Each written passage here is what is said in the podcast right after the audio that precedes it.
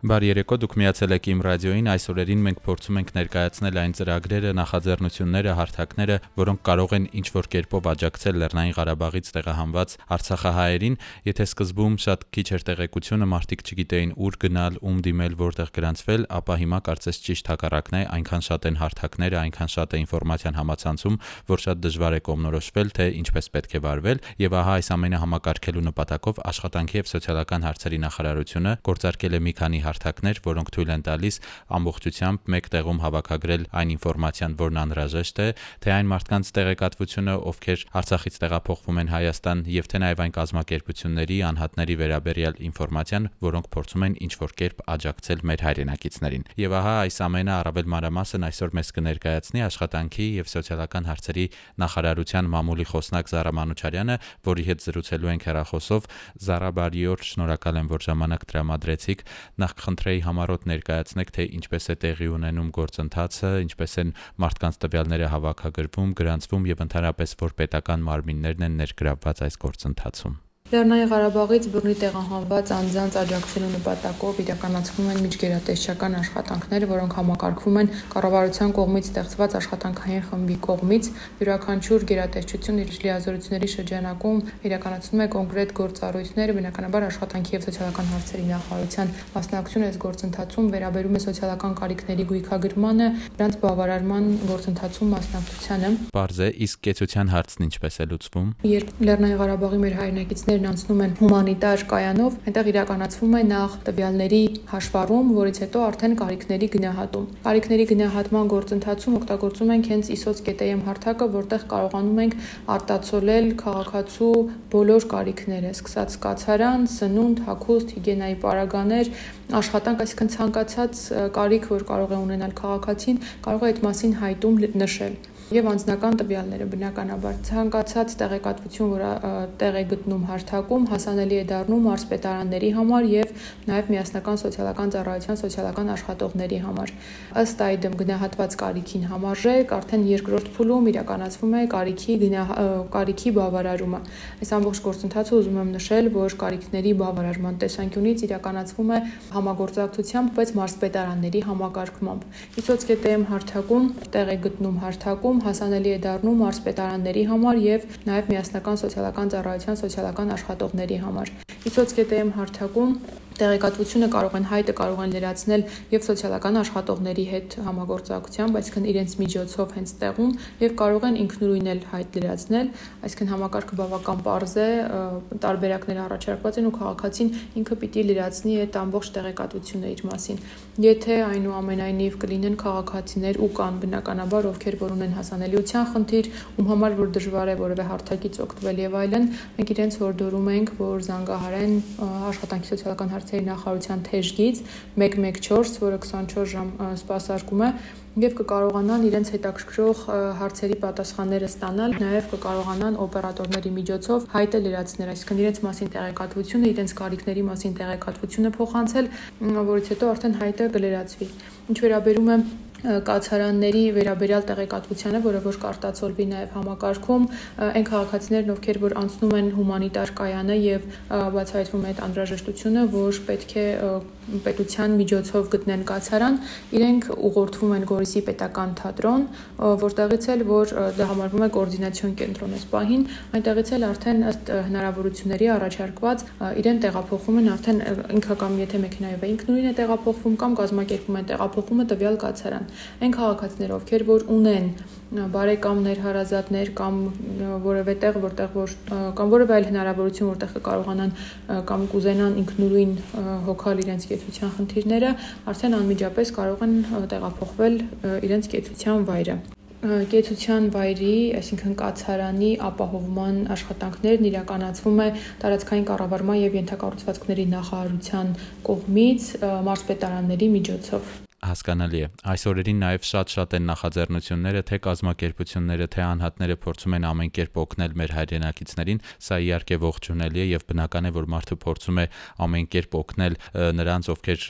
այդ օգնության կարիքն իսկապես ունեն, բայց մյուս կողմից առաջանում է այսպիսի մի խառնաշփոթ իրավիճակ, երբ ամենտեղ կարծես նույն բանն է կատարվում, նույն օգնությունն են հավաքագրում եւ կարծես թե հասցեական չի լինում։ Դրա համար դուք գործարկեցիք map.socservice.am հարթակը, կխնդրեմ առավել մանրամասնեք զառա կազմակերպությունները կարողանում են մուտք գործել ու ներկայացնել թե ինչ հնարավորություններ ունեն։ Օրինակ այս օրերին համացանցում էլ շատ հայտարարություններ կարող ենք տեսնել, որ X կազմակերպությունը առաջարկում է 1000 կացարան, մյուսն առաջարկում է սննդի փաթեթներ եւ այլն, այդ ամբողջ ռեսուրսները կարող են գույքագրվել հարթակում ու ըստ անհրաժեշտության կօգտագործվեն։ Ամբողջ տեղեկատվությունը հասանելի է նաեւ մարզպետարանների կողմից, կարող են բավարարվել այն կարիքները, որոնք որ նպատակահարմար կլինեն այդ պահին։ Սա նաև անհատներին է վերաբերում Մասնավոր նախաձեռնություններից բացի նաև անհատները նույն սկզբունքով բնականաբար նման իրավիճակներում յուրաքանչյուրը ուզում է որևէ կերպ օգտակար լինել ու ինչ որ մի բան անել, կամավորություն անել կամ որևէ կերպ գործընթացներում ունենալ իր ներդրումը ու շատ ունեինք նաև դիմողներ, հետաքրքրվողներ կամ հենց ինքնուրույն ինքնակազմակերպվող խմբեր, ովքեր որ փորձում էին որևէ կերպ կամավորության, կամավորական աշխատանքով զբաղվել ու ու որպեսի այդ գործընթացներն էլ լինեն համակարգված, նախարարությունը գործարկեց եւս մեկ հարթակ կամավոր.mlsa.am հարթակը, որտեղ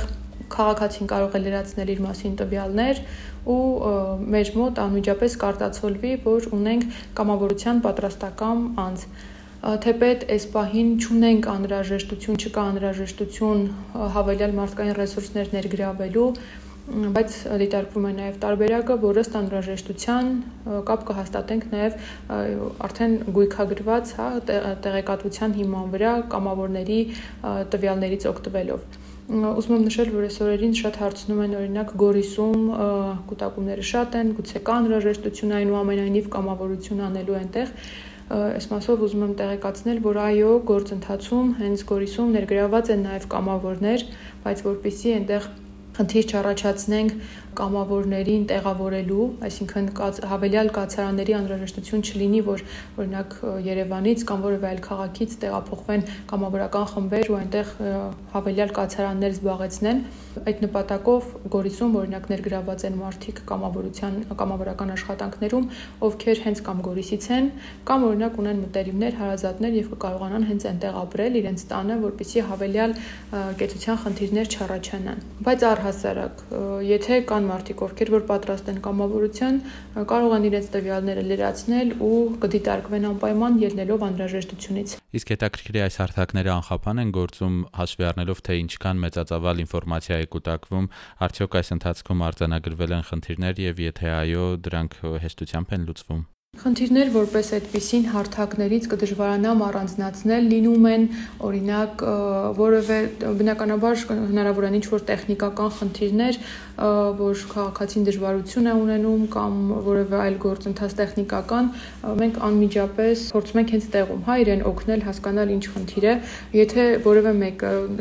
կունենա ինչ-որ խնդիր հարթակից օգտվելու, նորից պիտի խնդրեմ զանգահարեն 114, տեղեկացնեն կոնկրետ ինչ խնդիր է, այսինքն նկատի ունեմ համակարգային խնդիր, որպես այդպեսին չենք ունեցել, որ հարթակները որևէ պահի չգործեն կամ ինչ-որ խնդիր առաջացնեն։ Եղել են 1-2 անգամ, երբ որ զանգեր են ունեցել քաղաքացին չգիտեմ, շատ այդ պահին դիմել են, չի կարողացել ինքը հայտը լրացնի կամ չի հասկացել հայտը ընդունվեց թե չէ, նման տեխնիկական խնդիրներ են եղել։ Շատ բարի, Զարա, կա ավելացնելու ինչ որ բան։ Այս օրերին ամենակարևոր երևի հորդորը